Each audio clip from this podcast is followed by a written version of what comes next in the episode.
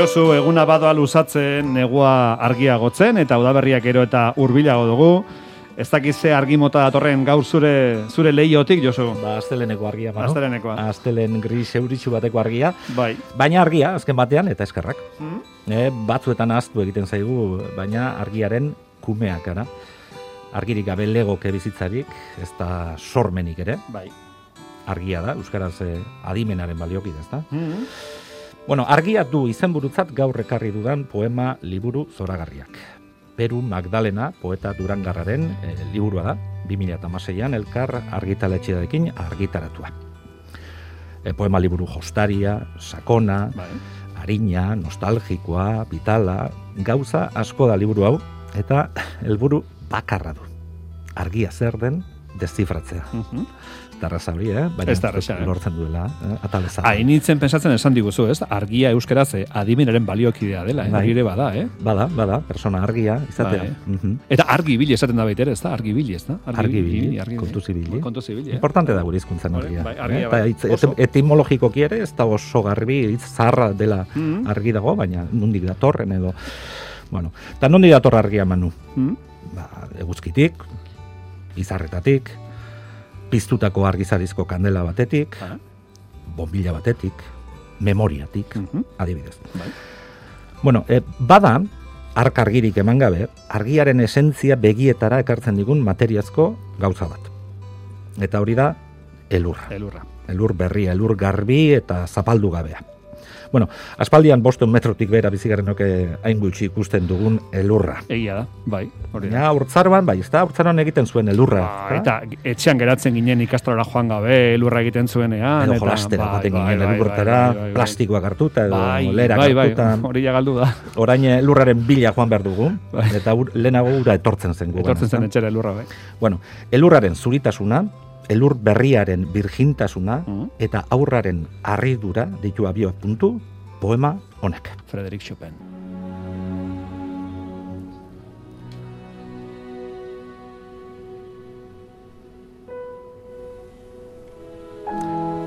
Landa elurtuak eta isiltasuna, zauririk gabeko munduaren geruza.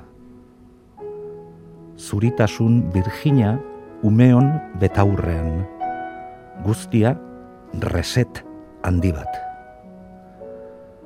Landa elurtuak eta gu haietan barrena, espermatozoide inusenteon ibilera estreinakoa esnebidean izarren hautsa parean inguruan non nahi, gu ere izarren hauts.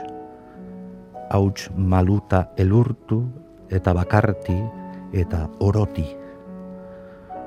Ume laguna edo lehengusina aurrera doa eta neu atzetik, ibilian, ur garbia, ontzi, distiratsuan. Txundidura edo beldur edo errespetu moduko batekin geure geroa markatuko zuten pausoak emateko ikarati. Elurra merenge, dena birjintasun, bizitza geure urratzen zain.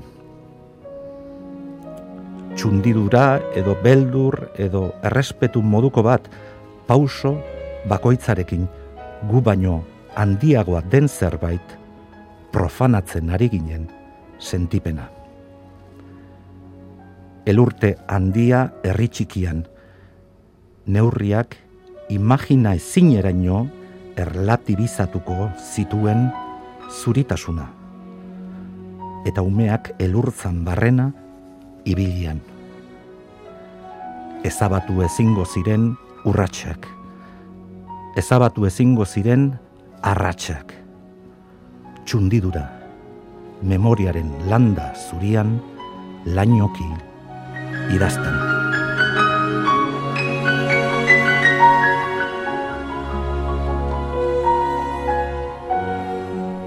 Peru Magdalenari laportu dizkigu gaurko poemak, bere argia izeneko liburutik. Mm. Bai, on, ondoren bi poema labur irakurriko ditute jarraian. Konforme? Eh? Bueno, orain kontura ez datorren eh, arrazoiengatik, azken aldian Walt Whitman poeta amerikarraren poesia irakurri dut, bueno, Mhm. poeta bat emeretzi garren mendekoa, oso, bueno, aintzindari bat. Eta Peruren liburua irakurri ala batez ere herrialdetik aurrera esaten nuen ara, zelako antza duen Whitmanen poesiarekin. Ja. Hau da, e, nitik mundura, ez da, ni, ni, ni personatik, ni naizen horretatik mundura, Mm. unibertso osora saltu egiten duen poesia da Whitmanena, eta baita Peru Magdalenarena ere. Eta alako batean, taka, horrialde batean, poema batean, Whitmanen erreferentzia bat azaltzen Ah, da. ber- beraz, zerbe somatu zen ion, ez? Somatu, bai, bueno, bana Somatu edo, ez, bai, bai? bai, bai, bai, eta esaten nuen, ze ondo, eta ze, ze antza duen, eta baina ze ondo, ze bezberdin ere, bai, Bai. baina ze ondo e, sartzen zitzaidan poema, eta ura etorri zitzaidan gogora, eta, bueno, berak ere aipatzen du gero poema batean. Mhm. Bueno, Magdalenaren liburua, Whitmanen poesia bezala, esango nuke panteista dela. Hau da, Aha. Adierazten nahi dugu, unibertso osoa dagoela konektatuta. Lurreko izakiak, izarrak, planeta, guztia dela, denok garela, plan beraren parte. Osotasun beraren partikulak. Bueno, azaleko oresta marroi multzo bat, izarren konstelazio baten pareko izan daitekela. Edo enarek, ainarek, elaiek, munduaren ari eskutuak lotzen dituztela, haien egaldi alaiarekin. Horrentxe horren irakurriko ditunak, bi poema labur Peru Magdalenarenak.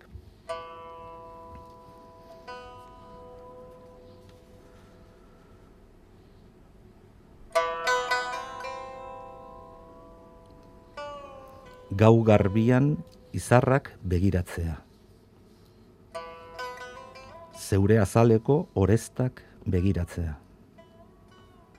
Unibertsoak errepikatzen dituen patroiak.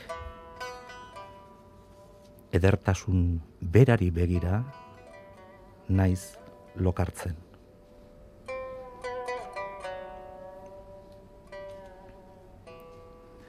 Enarak, txoriarin jostalariak, hegaztien arteko umeak.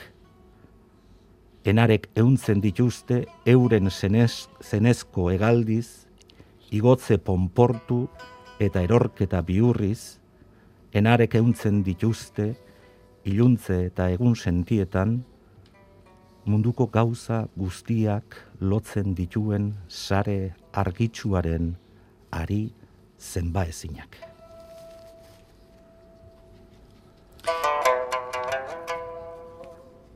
Josu, egun guztiak diferentek izaten dira. Eta Bai. egun batzuk honek izaten dira, beste batzuk ez hain onak, denetarik izan eta, ez da? Bai, eta bai, nabaritzen dugu batzutan esnatzean, ez da? Bai, mm, bai. Bueno, baina badira egun onak ere. Noski, eh? noski. Agian ondo login dugulako, eh? sentitzen dugu hor, egun ona izango dugula, Mm, deskantzatuta gaude, edo maite dugunarekin gau edarra ikaru dugulako, hori da. edo motiboarik, eta besterik gabe, pozik esnatu garelako. Bai, beste motiko, munduko motiborik gabe, ez da? Mhm. Horrelako esnara bat deskribatzen du Peru Magdalenak, irakurriko diodan, azken poeman.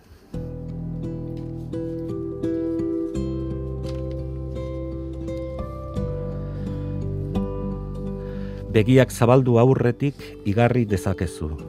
Azalean igarri dezakezu. Egunak dakarren gardentasuna. Hemen da, dardaratxo zoragarri batekin dator. Umearen arintasunez dator, jolasteko gogoz. Izaren ukimen zuriak baieztatzen dizu, lehen arnasaldiaren freskura berriak, ametsa guztiz utzi ez izanaren sentipen hori. Badirudi betidanik doan eman dizkiozun denak, bueltatu nahi dizkizula munduak gaur. Esker unibertsalaren eguna datorkizula.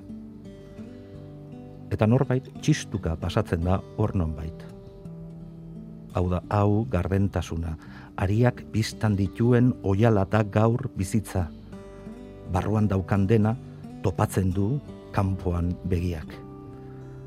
Maitasunaren eterra non nahi barreiatu da dardaratxo zoragarri bat da egun hau. Larre eternal piztu bat iradokitzen duen belar mintza. Arintasun jolasti bat. Benetan ere, igarri dezakezu azalean eta hemen da. Egunon eta eskerrik asko eta altxatu egiten zara.